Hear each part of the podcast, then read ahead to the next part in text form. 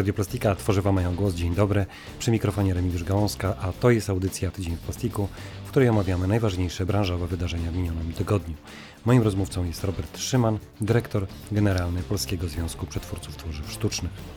Zapraszam do wysłuchania dzisiejszego odcinka. Fiskus odpowiada na pytania Lewiatana i PZPTS w sprawie dyrektywy Single Use Plastics.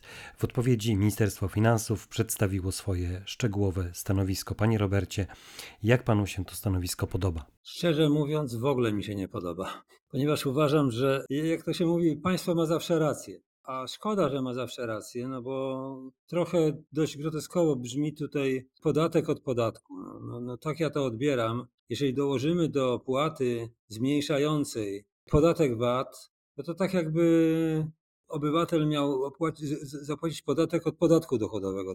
No trochę mi się tutaj w ogóle to jakoś nie łączy. W końcu to beneficjentem jest tak naprawdę Urząd Marszałkowski, a te pieniążki nie zostają przedsiębiorcy, więc y, nie rozumiem tej optyki, no ale cóż, no, niewiele tutaj możemy zrobić w tej kwestii. Wysłaliśmy również od, odrębnie e, szereg pytań do Ministerstwa Klimatu i Środowiska w kontekście w ogóle klasyfikacji, bo dzieją się w tej chwili na rynku kompletne cuda. Urzędy marszałkowskie wydają sprzeczne decyzje dotyczące transpozycji y, dyrektywy Single Use Plastics. Taki robi się trochę taka Polska dzielnicowa, że w jednym e, e, województwie można, w drugim nie można. Więc tych pytań, które wysłaliśmy obecnie do Ministerstwa Klimatu i Środowiska jest około 40. Są to bardzo szczegółowe, ale bardzo istotne z punktu widzenia przedsiębiorców.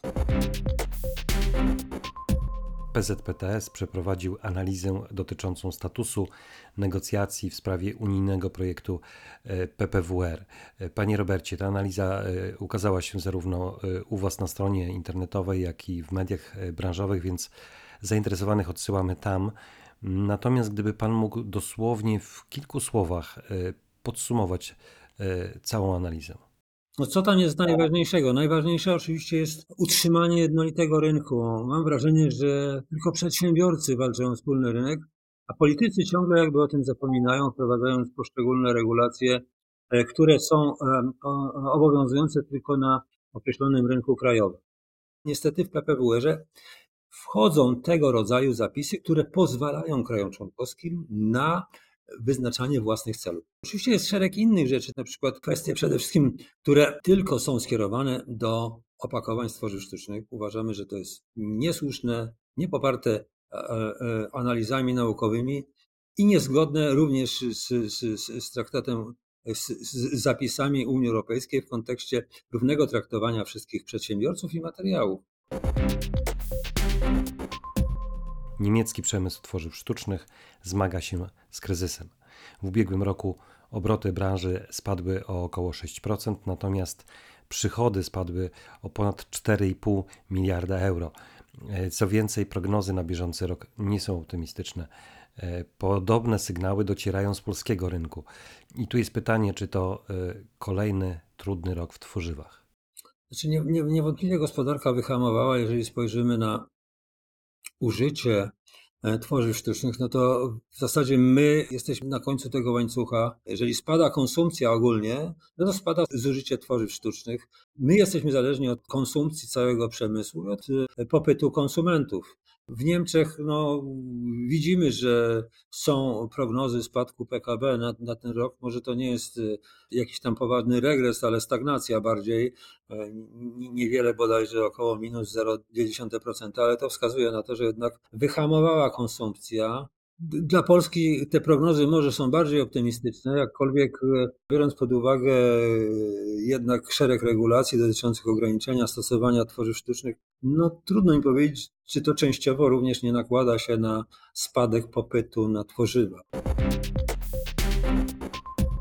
Parlament Europejski dał zielone światło dyrektywie przeciwko greenwashingowi. E, teraz dyrektywą zajęły się Komisje Rynku Wewnętrznego i Środowiska. One przygotowały zbiór zasad, w jaki sposób firmy mogą zatwierdzać swoje ekologiczne deklaracje marketingowe. Panie Robercie, E, Czy to oznacza, że wreszcie kwestie związane z greenwashingiem zostaną ostatecznie i jednoznacznie uregulowane? No, mam taką nadzieję oczywiście. Wiemy, że to zjawisko jest dość popularne. Firmy wprowadzające produkty mm, na rynek podążają za trendem postrzegania produktów przez konsumentów.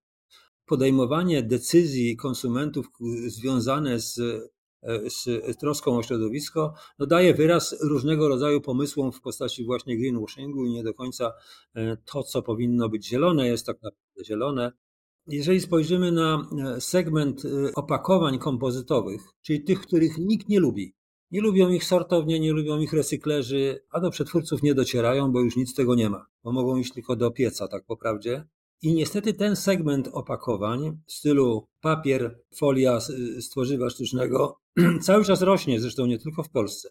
I to jest bardzo niebezpieczne zjawisko, którego wydaje mi się nie dostrzegają jeszcze politycy, którzy próbują w pewnym sensie uregulować rynek, nie patrząc, jakie to mogą, może mieć negatywne konsekwencje.